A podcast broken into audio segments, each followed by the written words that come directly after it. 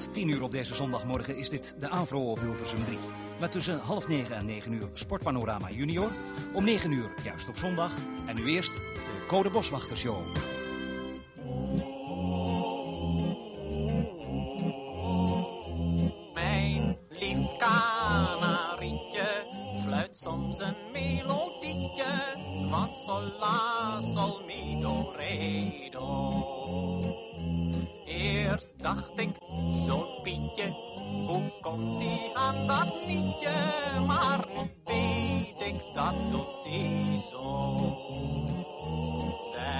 Zondags bij achten zit hij al te wachten bij de kast van de radio.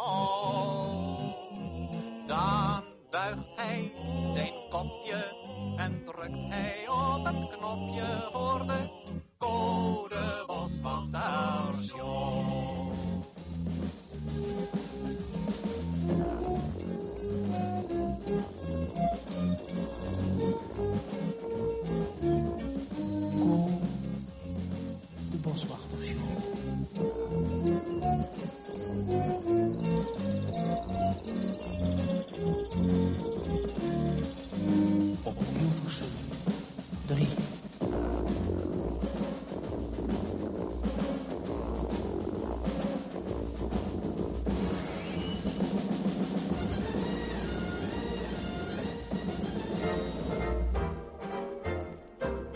Zal blij zijn als het weer zondag is. Zondag is, zondag is. Ik zal blij zijn als het weer zondag is. Dan rust ik lekker uit. Dan neem Hé, eindelijk weer eens rustig in de studio. Niks geen gedoe met Ruinen of Borger of New York of waar dan ook. Gezellig, helemaal alleen in een stille studio. Moet je eens luisteren hoe stil het is. Alleen de vogels en de bomen moet je erbij denken die dan een beetje fluiten, die vogels. En die bomen die wat ruisen. En de boswachter die dan rustig alles in de gaten houdt. Oh, alle konijnenkuts, wat gebeurt daar nou weer? Oh, gelukkig, het is mijn vriend Anton Gleuf. Maar goedemorgen. Anton, ik zit hier net midden in een rustige natuuruitzending. Oké, kom, kom. Nou, hou je stil en doe je werk.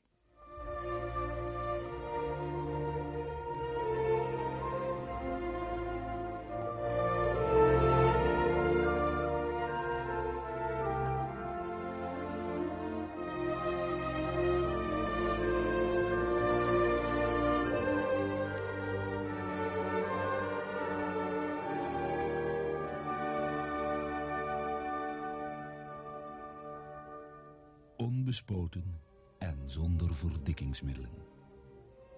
Code Boswachter. Natuurlijk.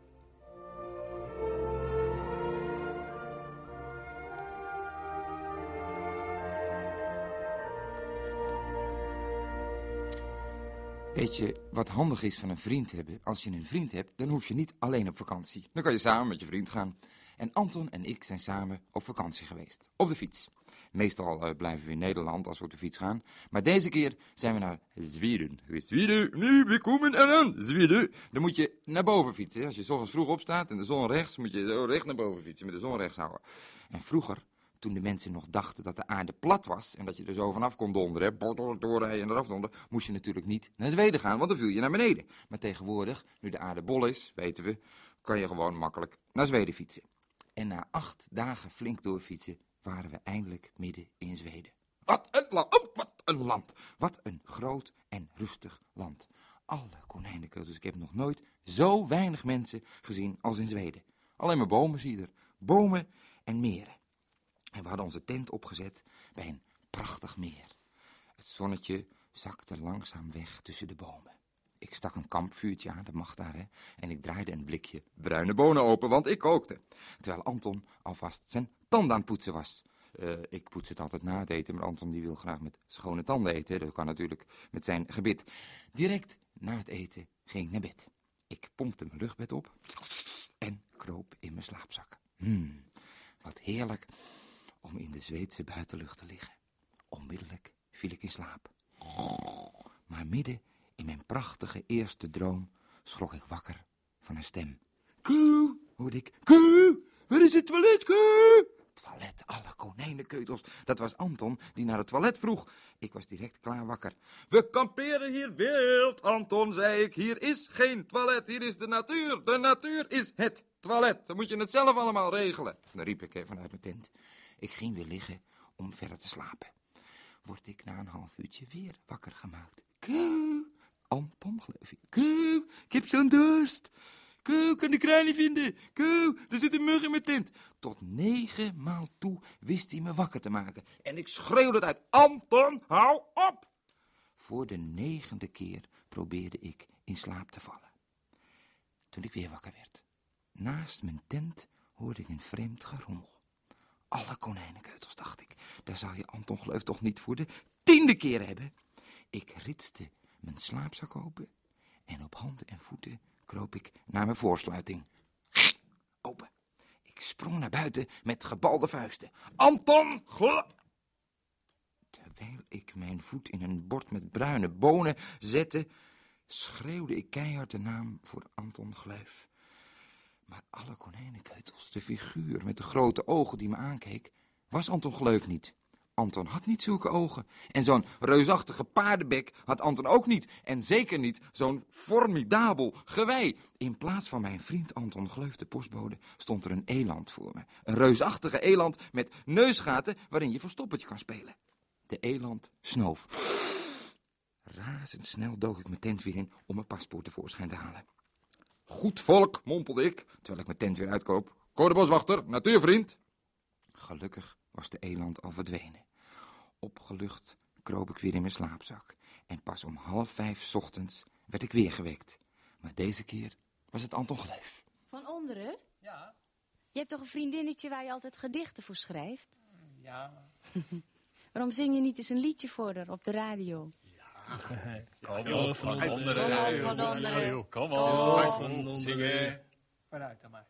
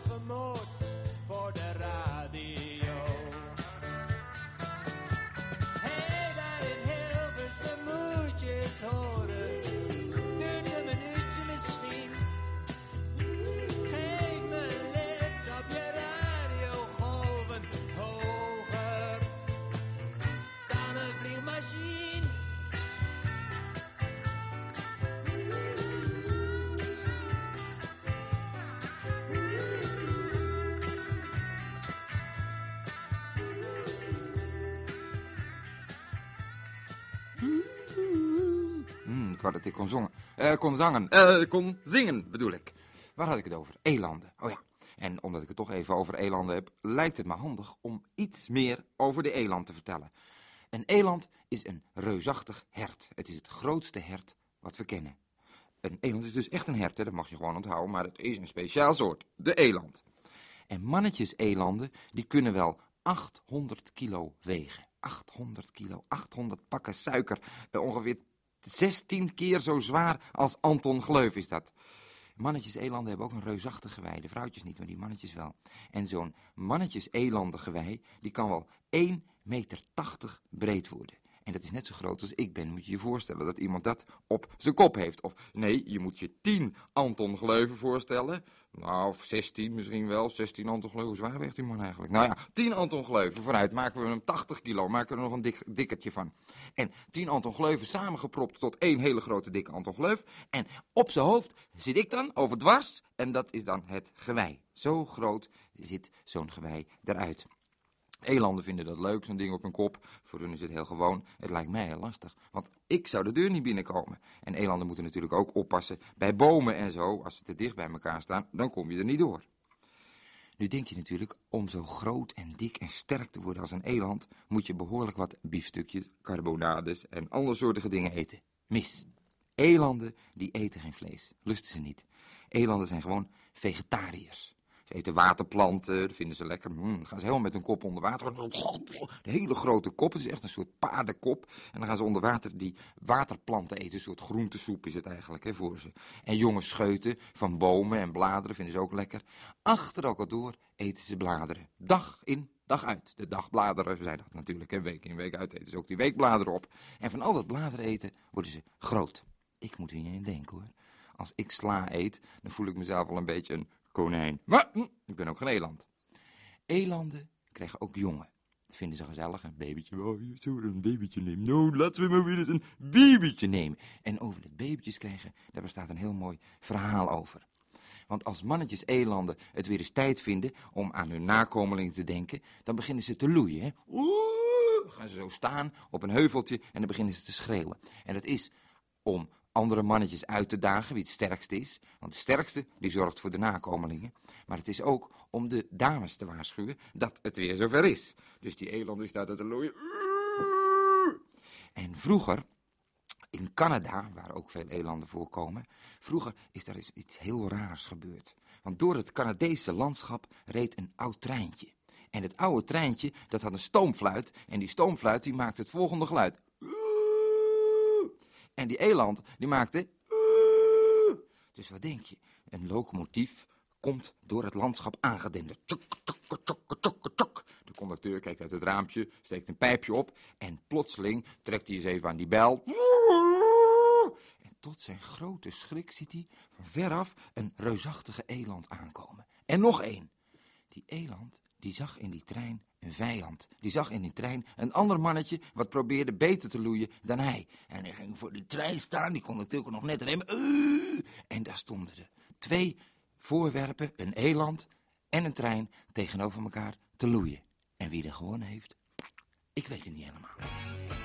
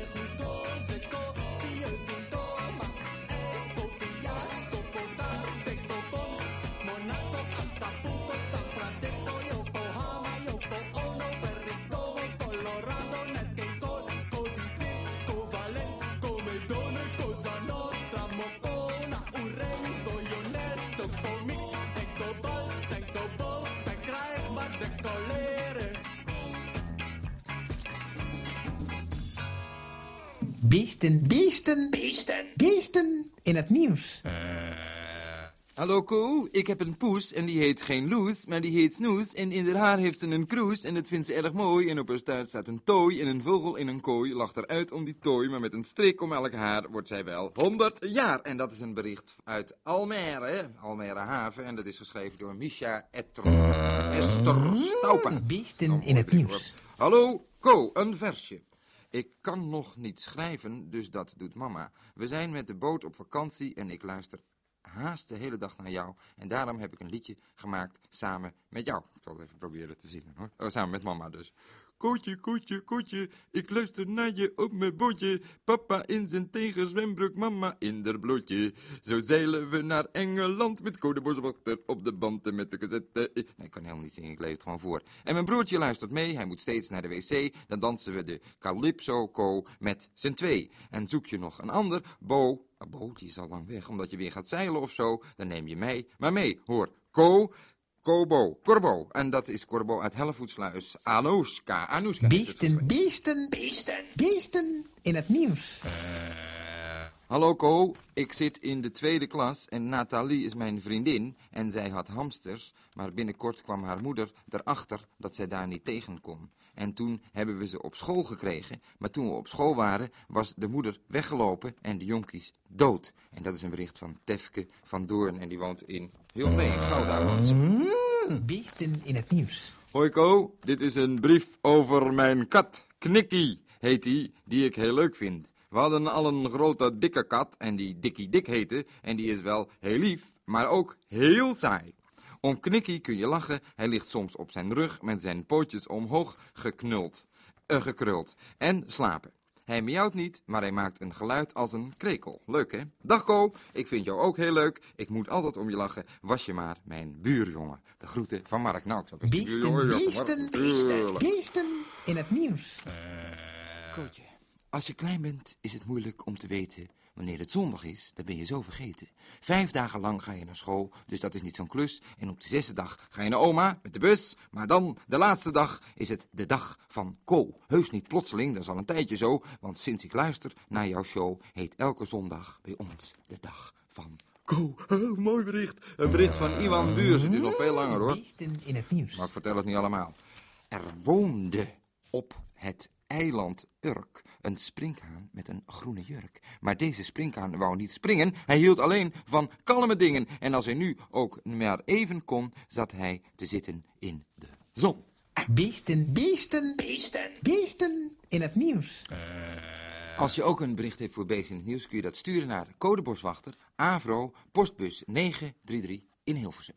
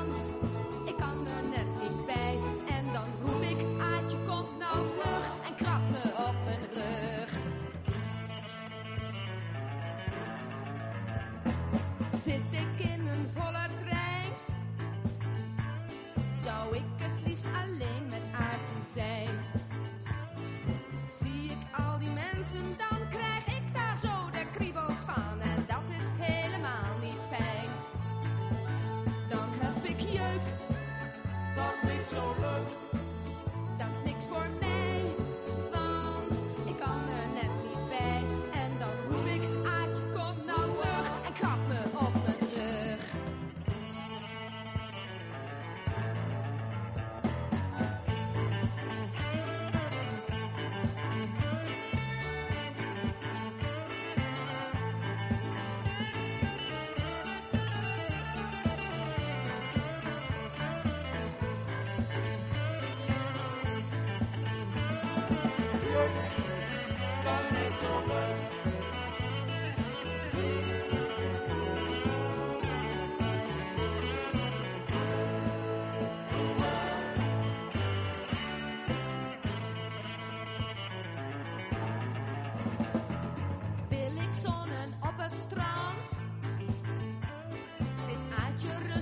Last night.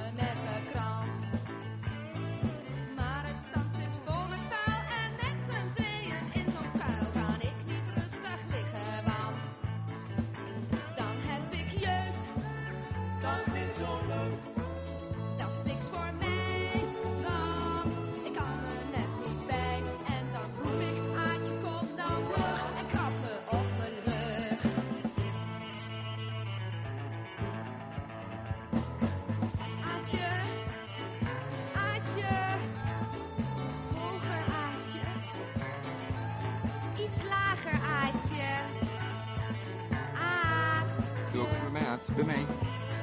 Zakken, ja? Ja, lekker. Mm, uh. Aatje. Aatje. Gina was dat. Gina de jeuk. Ja, Aatje, die komt niet meer vandaag. Aatje is weg. En Gina die had jeuk op de rug. En Aatje die mocht even krabben zo. Heb je trouwens in Zweden ook hoor, last van jeuk vaak. Want het stikt er van het water, zei ik net al. En bij dat water, daar wonen heel veel muggen. En die muggen leggen heel veel eieren in het water weer. En ja, omdat ze eieren leggen, hebben ze bloed nodig, de vrouwtjesmuggen. En daarom zoeken ze alles wat leeft en beweegt. Dus als je als mens in Zweden rondloopt en je gaat bijvoorbeeld bosbessen plukken en je hebt een korte broek aan, nou dan kan je het beter eh, vergeten hoor. Want eh, ik heb wel eens iemand zien staan, bij een bakker was dat. En ik kwam ook die bakkerswinkel binnen en die meneer had ik de dag daarvoor ook gezien. En toen was hij met een korte broek bosbessen aan het plukken en bij die bakker zag ik zijn kuiten eindelijk weer eens. Nou, ik heb nog nooit zoveel muggen pikken op een mensenkuit gezien. Ik denk dat hij er wel 80 had. Dus daar moet je wel een beetje op letten als je daar op vakantie gaat. Ik ken een verhaal. En het verhaal gaat over geleerde mensen. En die geleerde mensen die hadden iets gehoord. Die hadden gehoord dat in een bepaalde tijd de elanden keihard gingen rennen.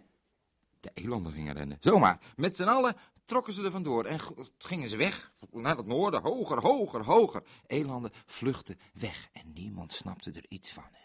Boeken bestuderen, eens kijken, elanden vluchten weg bij de V, eens kijken bij de V, eh, fietspomp. Oh, wat per ongeluk bij de F. Nou, en stond er niet in. Dus ze moesten dat gaan onderzoeken. Ze zijn met een heel team mensen daar naartoe gegaan en zijn ze eens gaan kijken waarom die elanden nou op een bepaald moment op de vlucht gingen. En wat denk je? Elanden, die hele grote 800 kilo zware elanden, gaan op de vlucht voor muggen. Want muggen, die komen met duizenden, ik heb het echt niet over één mug hoor, zo die je op je kamer hebt moeten zoomen. Nee, duizenden muggen komen ze op al die dieren af die ze zien. Want er zijn heel weinig mensen, dus daar kunnen ze niet van leven. Ze hebben dus dieren nodig. En ze komen met duizenden op die elanden af. En je ziet ze ook als een soort rare dans wel eens maken, die muggen. Een grote, grote wolk die dan ronddanst. Zo. Nou, ik moet er niet aan denken dat je daar middenin zit en dat ze net allemaal zin hebben om bloed te zuigen. Want eh, wat een gekriebel en gedoe. Als ik het had mogen uitvinden, maar dat is natuurlijk niet zo, had ik de muggen zelf niet verzonnen hoor. Hoewel, ja, kijk, vogels vinden het ook weer lekker, maar nee, nee, ik had het niet gedaan.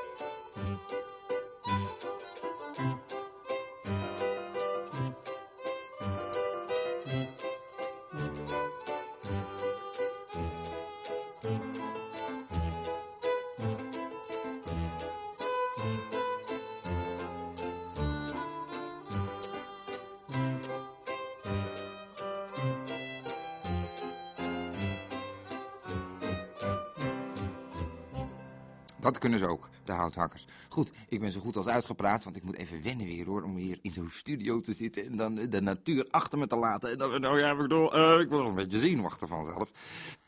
Als, eh, ja, ik bedoel, hoe zit het ook weer? Ja, het zit zo. Als jullie willen schrijven naar de AVRO, dan moet je schrijven naar Beest in het Nieuws. Nee, ik bedoel, als je naar mij wil schrijven, wat ben ik toch in de war vandaag. Als je een brief wil schrijven voor Beest in het Nieuws, dan schrijf je dat naar Code Boswachter, postbus 933 1200 AX in Hilversum. Volgende week kom ik weer terug met een splinternieuw programma. Vol natuur, vol Beest in het Nieuws en vol eh, loterijen, want die ben ik vandaag vergeten. Tot de volgende week, hè. Dag.